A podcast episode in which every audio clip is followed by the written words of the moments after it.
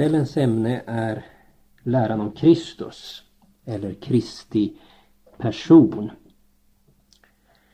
Vi har tidigare talat om nåden och om hur Gud i sin barmhärtighet ordnat med frälsningen åt det förlorade människosläktet och hur Jesus Kristus genom sin återlösning har utverkat och förtjänat denna frälsning.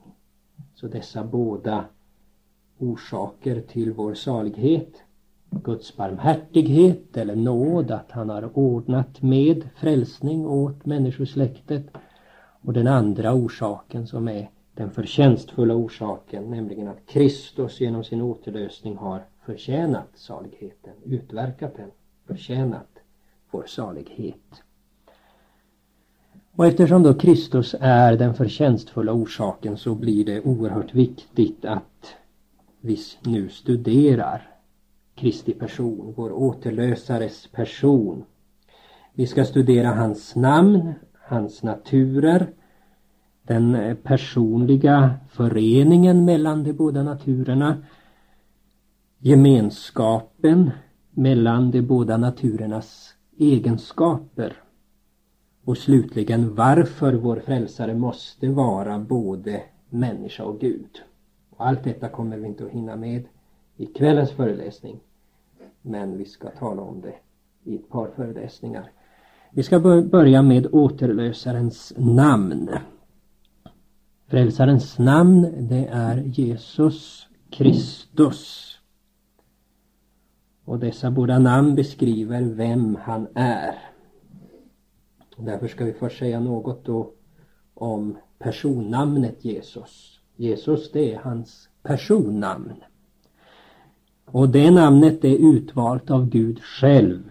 Hon skall föda en son och honom skall du giva namnet Jesus, ty han skall frälsa sitt folk från deras synder. Namnet utsäger vad denne person ska göra. Jesus betyder just frälsare. Och i detta fall en frälsare från synd. Han skall frälsa sitt folk från deras synder. Matteus 1.21 Han är judarnas frälsare men inte bara judarnas utan alla människors. Han är försoningen för våra synder. Ja, inte bara för våra utan också för hela världens. Första Johannes 2.2 och han är den enda frälsaren. Det finns ingen vid sidan av honom, i ingen annan finns frälsning. Inte heller finns under himmelen något annat namn bland människor givet genom vilket vi kan bli frälsta.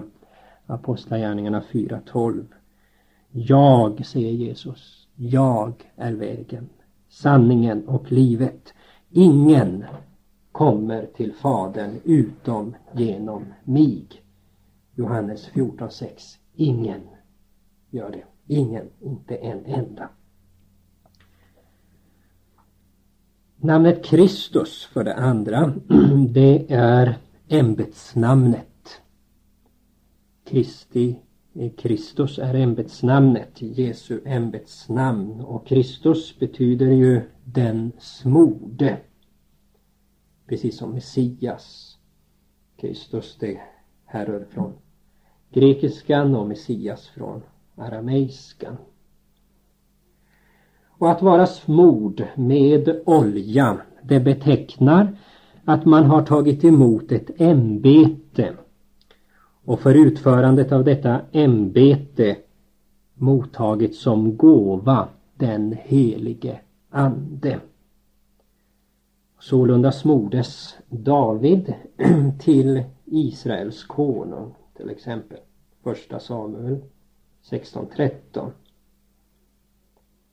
Och att Jesus är Guds mode, det framgår av Hebreerbrevet 1, 8, 9. Där står det Gud säger om sonen Gud, din tron förblir alltid och evinnerligen och rättvisans spira är ditt rikes spira. Du har älskat rättfärdighet och hatat orättfärdighet. Därför, o Gud, har din Gud smort dig med glädjens olja mer än dina medbröder. Och det är ett citat från Psaltaren 45. Vi ser alltså att sonen här kallas för Gud. Gud säger om sonen Gud. Din tron förblir alltid och evinnerligen och därför, o Gud, har din Gud smort dig med glädjens olja. Slår ni upp Jehovas vittnens bibel så får ni se hur man trollar bort det här och alla andra bibelställen som klart tydligt säger att Jesus är Gud. När det står att han är smord med glädjens olja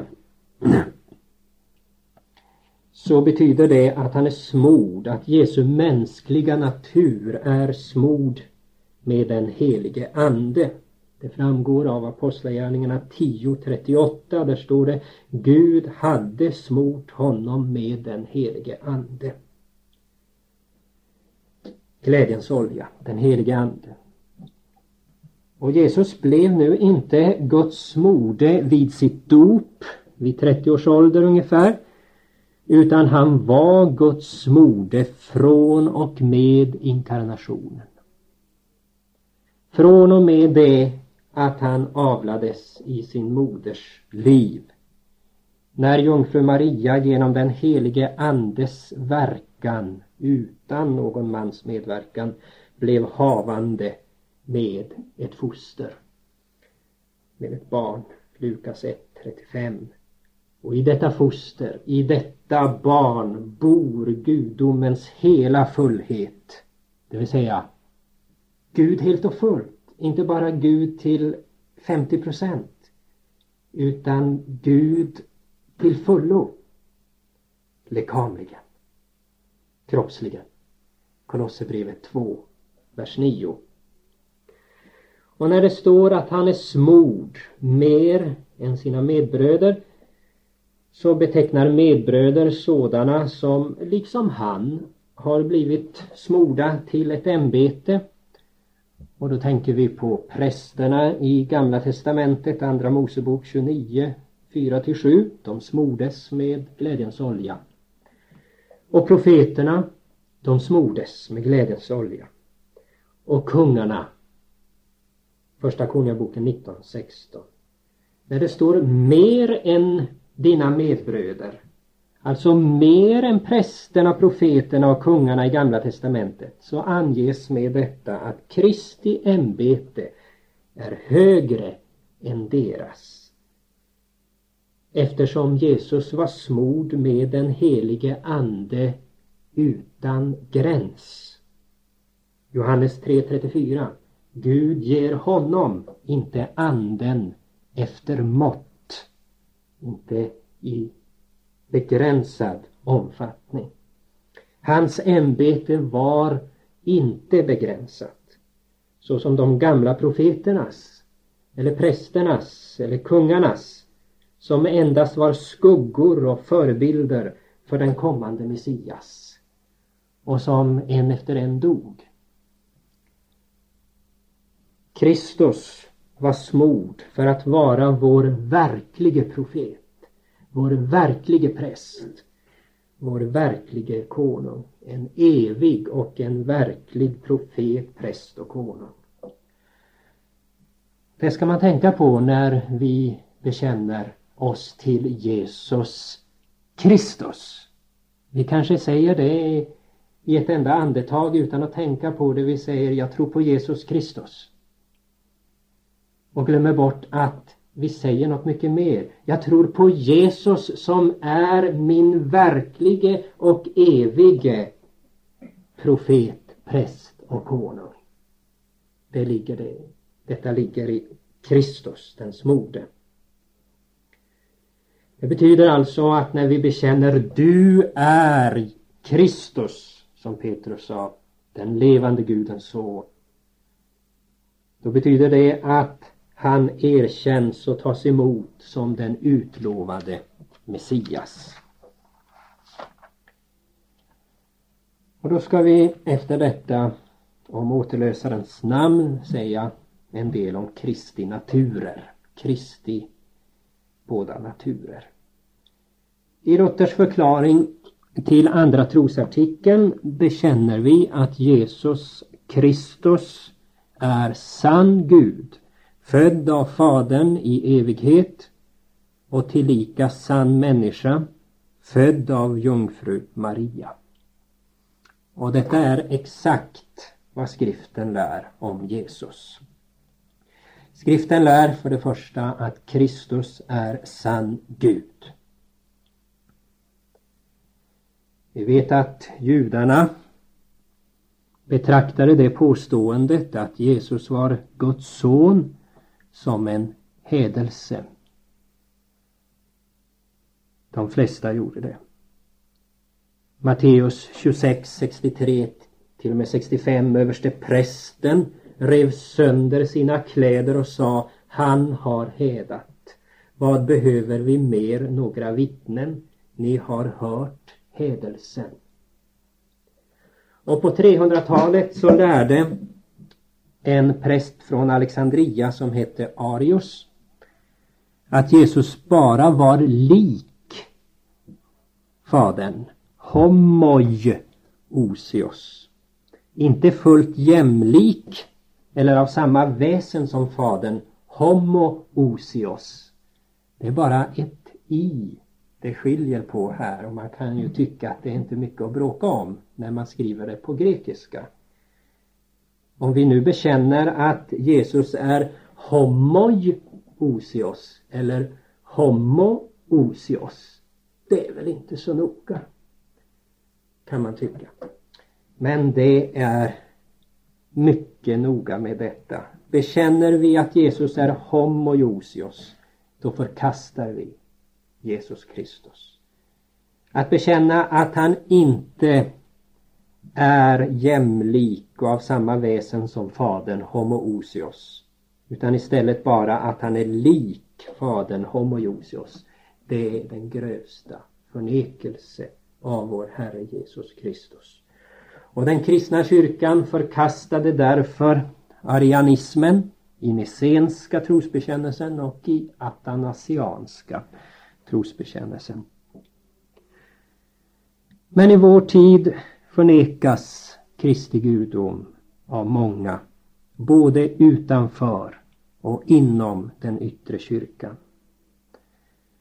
För dem är Jesus den stora förebilden eller den store läraren och reformatorn, kanske revolutionären. Men han är inte den sanne guden. Men om inte Kristus är den sanne guden då är han varken den stora förebilden eller den store läraren utan som judarna sa om honom en villolärare. Matteus 27, 63. Och hans religion är ett bedrägeri. Och inte heller kan han vara frälsaren från synden utan vi är då ännu kvar i våra synder och går alla evigt förlorade. Kristi gudom är en fundamental lära och förnekelsen av den är synnerligen allvarlig. Vilken är lögnaren, säger skriften, om inte den som förnekar att Jesus är Kristus. Denne är antikrist denne som förnekar Fadern och Sonen. Var och en som förnekar Sonen, han har inte heller Fadern. Första Johannes 2, 22, 23. Och en sådan förnekelse kan omöjligen förenas med en frälsande tro. Nu är det många som inte förstår vilket djupt innehåll det är i bekännelsen att Jesus är Kristus. Och vilken allvarlig förnekelse det följaktligen är om man förnekar att Jesus är Kristus. Om man säger, ja men det är väl ingen som förnekar att Jesus är Kristus? Det bekänner väl alla att Jesus är Kristus? Man förstår inte att om man bekänner att Jesus är Kristus så bekänner man att Jesus är den evige. Att Jesus är den enda sanne guden att Jesus är den evige, som vi sa nyss, profeten, prästen och konungen. att han är gudamänniskan. Sann Gud och sann människa i en person. Allt ifrån avlelsen så var Jesus sann Gud. Det är så att han gradvis blev mer och mer Gud. Han var Gud helt och fullt när han låg där i krubban. När han sprattlade i Marias mage. När han var med i templet eller på flykten till Egypten. När han gick på de dammiga vägarna. När de slog honom och när han hängde på korset. Han var helt och fullt den ende sanne guden.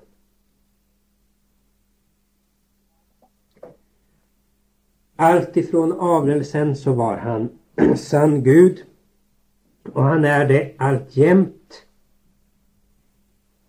Han är det i denna stund och han kommer alltid att vara det. Han gjordes inte till en gud vid sitt dop eller vid sin uppståndelse. Och inte heller var det så att hans efterföljare, lärjungarna, i en missriktad välmening gjorde honom till Gud fastän han i själva verket inte skulle ha menat sig vara Gud. Vad är då bevisen? Ja, profetians vittnesbörd är för det första bevis. Jesaja säger om den kommande Messias, ett barn är oss fött, en son är oss given. Hans namn ska vara väldig Gud, evig fader. Jesaja 9.6. Och till jungfrun Maria sa ängeln det heliga som födes av dig ska kallas Guds son. Lukas 1.35.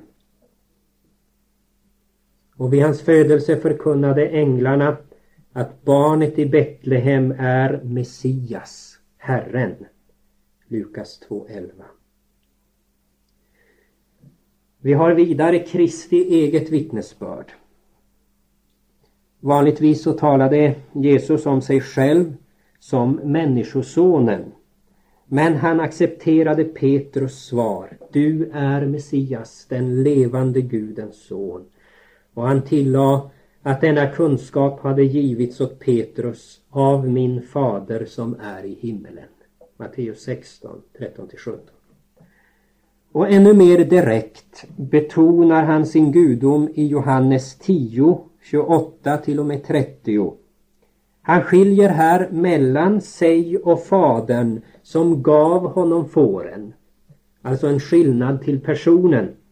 Men han identifierar sig med fadern genom att säga att, fa, att, att fåren är både i hans hand och i faderns hand. Och han tillägger, jag och fadern är ett. Alltså enheten till väsendet. Och denna enhet när det gäller väsendet framgår av enheten i handlandet. Det Fadern gör, det gör Sonen. Min fader verkar ännu alltjämt och jag verkar. Sonen kan inte göra något av sig själv utan han gör allenast vad han ser Fadern göra. Ty vad han gör, det gör likaledes också Sonen. Johannes 5, 17, 19. Och i Johannes 10, 37, 38 hänvisar Kristus till sina gärningar som bevis på sin gudom. Det han gör, det ni ser mig göra, det är vad Fadern gör. Gör jag inte min faders gärningar så tro mig inte. Då är jag en lögnare. Då är jag inte den sanne guden. Men gör jag dem så tro gärningarna om nu än inte tror mig. Då ska ni fatta och förstå att Fadern är i mig och att jag är i Fadern. Och när han tillfrågades av prästerna och de skriftlärda om han var Guds son, så sa han till dem, ni säger det själva att jag är det. Lukas 22.70. Vi har vidare skriftens vittnesbörd. Skriften säger bestämt att Jesus är den sanne guden. Första Johannes 5.20 Denne är den sanne guden och evigt liv. Här kan jag citera hur den här levande bibeln trollar bort detta klara bibelställe om att Jesus är Gud genom att översätta så här. Ni hade stora gudsmän som förfäder och Kristus själv var en av er, en jude i fråga om sin mänskliga härkomst, han som nu regerar över allting. Punkt. Pris ske Gud i evighet! Utropstecken. Har man satt alltså punkt där och så har man efter det sagt pris ske Gud i evighet. När det står Kristus är över allting. Gud högt lovad i evighet. Romarbrevet 9.5. Och dessa gudomliga benämningar, det är inte tomma ord. Utan ordet blev kött och tog sin boning ibland oss och vi såg hans härlighet. Vi såg liksom en enfödd sons härlighet från sin fader, full av nåd och sanning. Johannes 1, 14. Kanske ska tillägga där att en av huvudbenämningarna på den sanne guden är att han är full av nåd och sanning. När vi läser gamla testamentet så möter oss detta uttryck gång på gång. Full av nåd och sanning. Bland annat då när Gud går förbi Mose, uppenbarar sig för Mose på Sina i berg, andra Mosebok 34 en Gud barmhärtig och nådig, full av nåd och sanning. Jesus Kristus är den guden. Han är den sanne guden. Liksom en enfödd sons härlighet från sin fader, full av nåd och sanning. Och också hans uppståndelse är bevis för hans gudom. Han är med kraft bevisad vara Guds son, står det. Allt ifrån uppståndelsen från de döda. Romarbrevet 1.4. Och skriften tillskriver honom också gudomliga egenskaper. Han vet allt. Han är allvetande. Herre, du vet allt. Johannes 21.17. Och det finns många ställen där. Medan du ännu var under fikonträdet så visste jag om dig och kände dig. Johannes 1, 47-49. Och han har all makt. Han är allsmäktig. Johannes 10, 28-30, Matteus 28, 18. Och han utför gudomliga gärningar. Genom honom har allting skapats. Johannes 1, 3. Kolosserbrevet 1, 16, 17. Utan honom har ingenting blivit till som är till. Genom sin makts ord så bär han allt. Det är han som genom sin makts ord uppehåller hela skapelsen. Hela universum, varenda vintergata, varenda galax uppehåller han genom sin makts ord. Precis som varje liten skapelse, liten molekyl här i vår värld. Hebreerbrevet 1.3 Han uppväcker döda. Han dömer världen. Johannes 5, 21 och 27 och honom tillkommer gudomlig ära. Han ska äras, styrkas, tillbedjas såsom Gud. Både av människor och av änglar. Alla ska ära sonen som de ärar fadern. Johannes 5.23. Också de som nu hedar honom ska en gång få böja knä inför honom. Inte till en slutlig frälsning utan till sin skam och till sin eviga dom.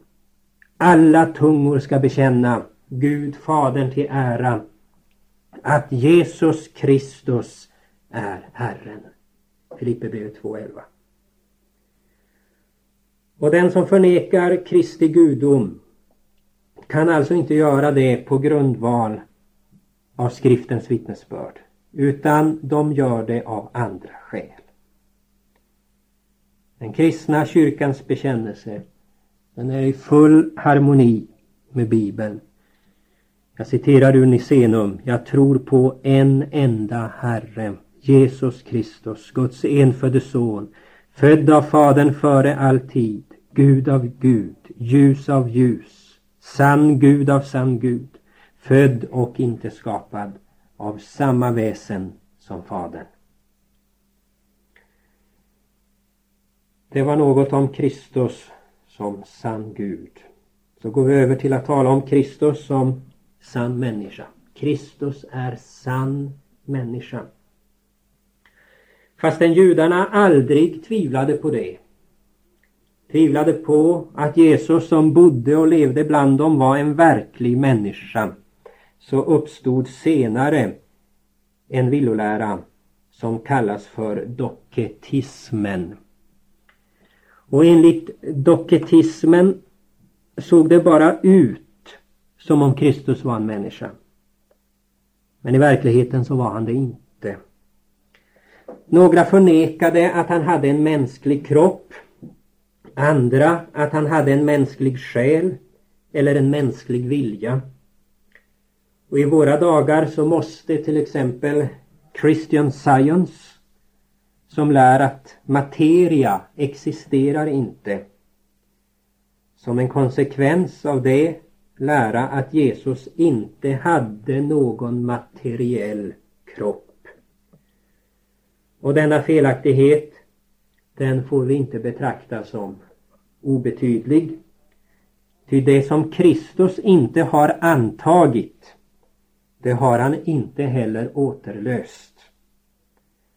Om han inte antog full mänsklig natur så har han inte heller till fullo frälst den mänskliga naturen. Återlöst den. Det är fåfängt att spekulera över hur nu detta var möjligt att den evige guden, den evige Guds son kunde bli en verklig sann människa. Men att det är ett faktum, det framgår tydligt av skriften. I Romarbrevet 9.5 framgår det Jesus har en mänsklig härkomst efter köttet. Och han kallas Davids son, Matteus 21.9. Och vi kan också hänvisa till Jeremia 23.5.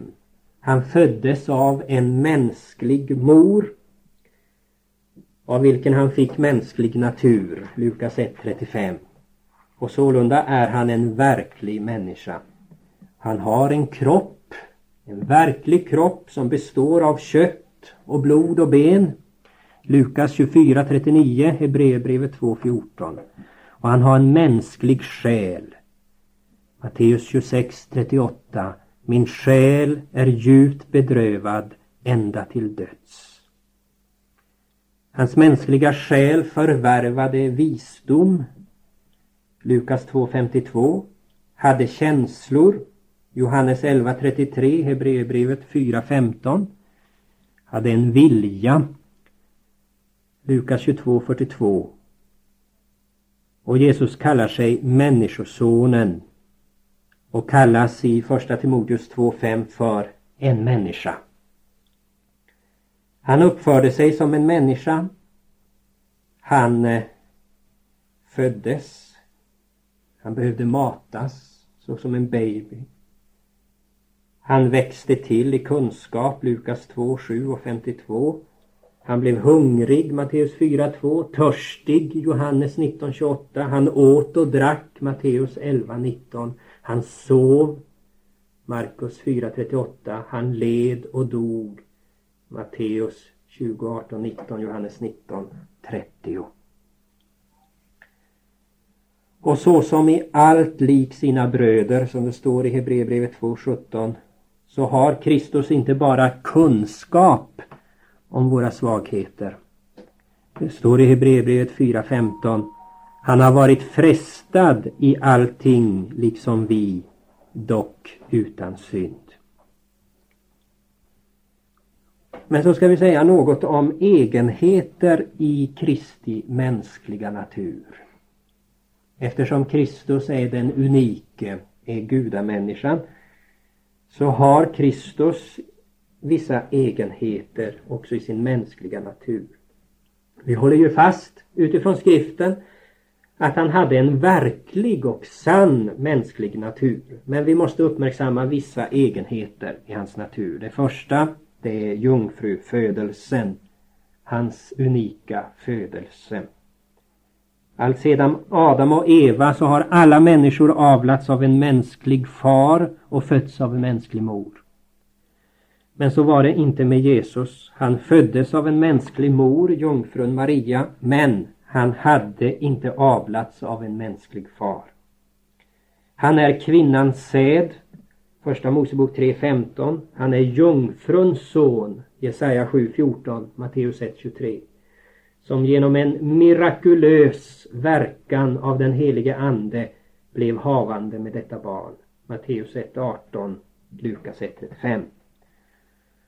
Och den som tror att Gud är allsmäktig, Lukas 1.37, för Gud kan inte vara omöjligt vacklar inte i tron på frälsarens jungfrufödelse.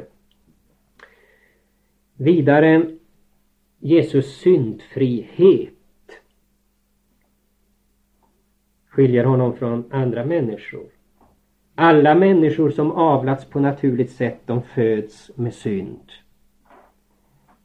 Så framhålles det i Augustana artikel 2 men eftersom Jesus in, inte avlats på naturligt sätt så är detta inte tillämpligt på honom.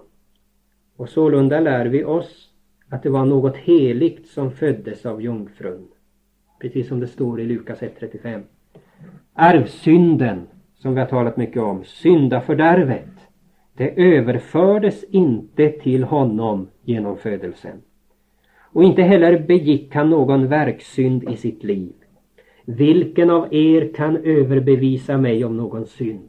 Johannes 8.46 han var den som inte visste av någon synd. Andra Korinthierbrevet 5.21 Han hade ingen synd gjort och inte ett svek fanns i hans mun. Första Petri 2.22 Eftersom synden inte är en del av den mänskliga naturens själva väsen så var det verkligen möjligt för Kristus att vara en sann människa och vara utan synd både genom födelsen och i sitt liv. Nu motsäges inte Kristi personliga syndfrihet av Romarbrevet 8.3 där det står Gud sände sin son i syndigt kötts gestalt han som inte visste av någon synd gjordes till synd för oss. Och därför uppvisade han i sin mänskliga natur och i sin förnedring de svagheter och skröpligheter som utmärker den mänskliga kroppen, det syndiga köttet.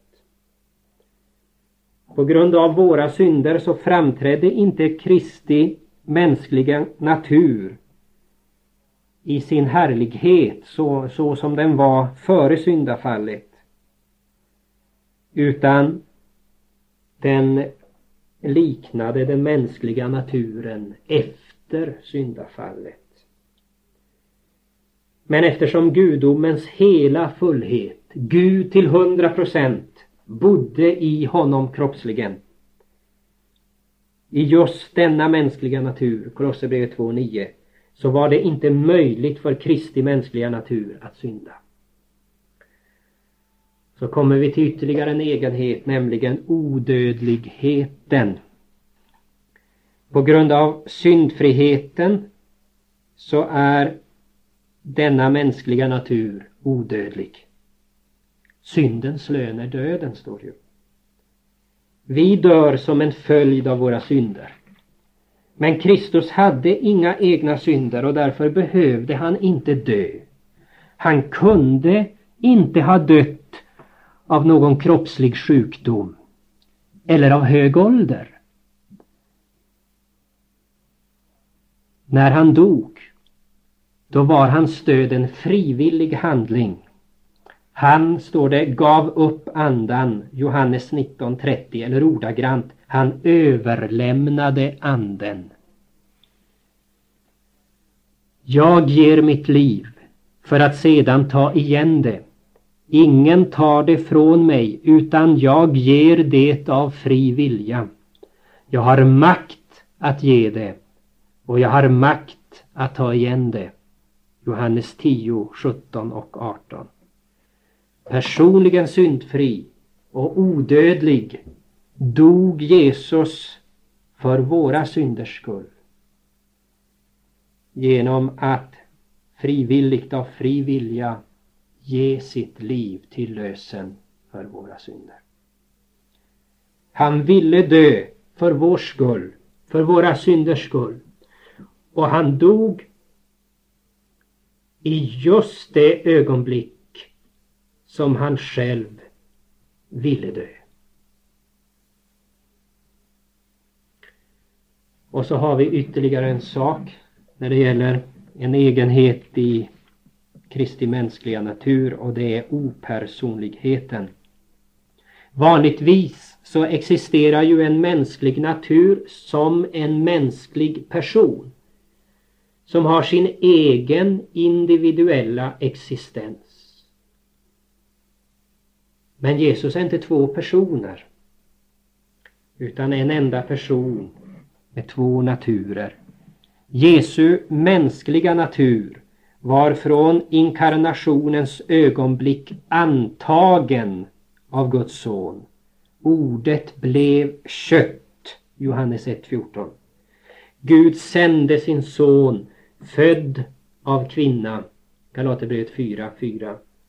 Och vid ingen tidpunkt existerade Kristi mänskliga natur för och av sig själv och utgjorde i sig själv en person. Från sin begynnelse så hade den sin existens i Guds sons person. Och inte heller var de båda naturerna sammansmälta till en ny person utan den eviga personen i Gud, i gudomen, nämligen sonen, antog den mänskliga naturen. Man kan alltså säga att Guds son tillhandahöll personligheten för gudamänniskan Jesus Kristus. Och så ska vi bara under någon minut också gå in på den personliga föreningen mellan Kristi naturer. Och då säger vi först Kristus är en person men har en fullständig gudomlig och en fullständig mänsklig natur. Enligt Romarbrevet 9.5 så har Jesus en mänsklig härstamning och är därför själv en sann mänsklig varelse. Men samtidigt är han Gud, högt lovad i evighet. Och sålunda visar det sig att de båda naturerna är förenade så att de utgör en person, en individ. Det finns bara en Kristus och han är både sann Gud och sann människa. Och jag ska citera ur Athanasianum följande ord om Jesus Kristus. Så är det en rätt tro att vi tror och bekänner att vår Herre Jesus Kristus, Guds son, är i lika mån Gud och människa. Gud är han såsom född av Faderns väsen före all tid och människa är han såsom född av moderns väsen i tiden helt och fullt Gud och helt och fullt människa med förnuftig själ och mänsklig kropp. Jämlik Fadern efter den gudomliga naturen, ringare än Fadern efter den mänskliga naturen. Det är därför det kan heta om Jesus att han blev upphöjd, nämligen till sin mänskliga natur. Och ehuru han är Gud och människa är han likväl icke två utan en enda Kristus. Men en enda är han icke så att den gudomliga naturen förvandlats till mänsklig, utan så att den mänskliga naturen antagits av Gud.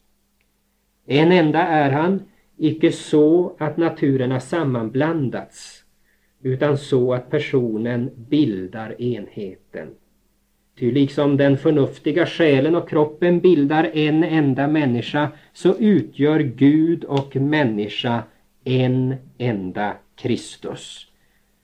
Och jag ska sluta med vad Concordieformen säger i sin andra del, artikel 8 som just handlar om Kristi person och som ni bör studera, artikel 8 i Concordieformen.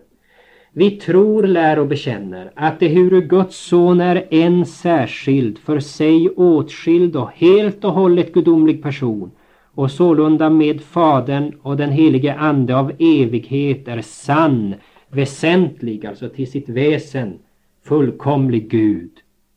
Att han likväl då tiden var fullbordad antog mänsklig natur i sin persons enhet inte så att två personer eller två Kristus härmed blev till, utan så att Jesus Kristus numera i en person är samtidigt sann och evig Gud, född av Fadern av evighet och sann människa, född av den högt lovade jungfrun Maria.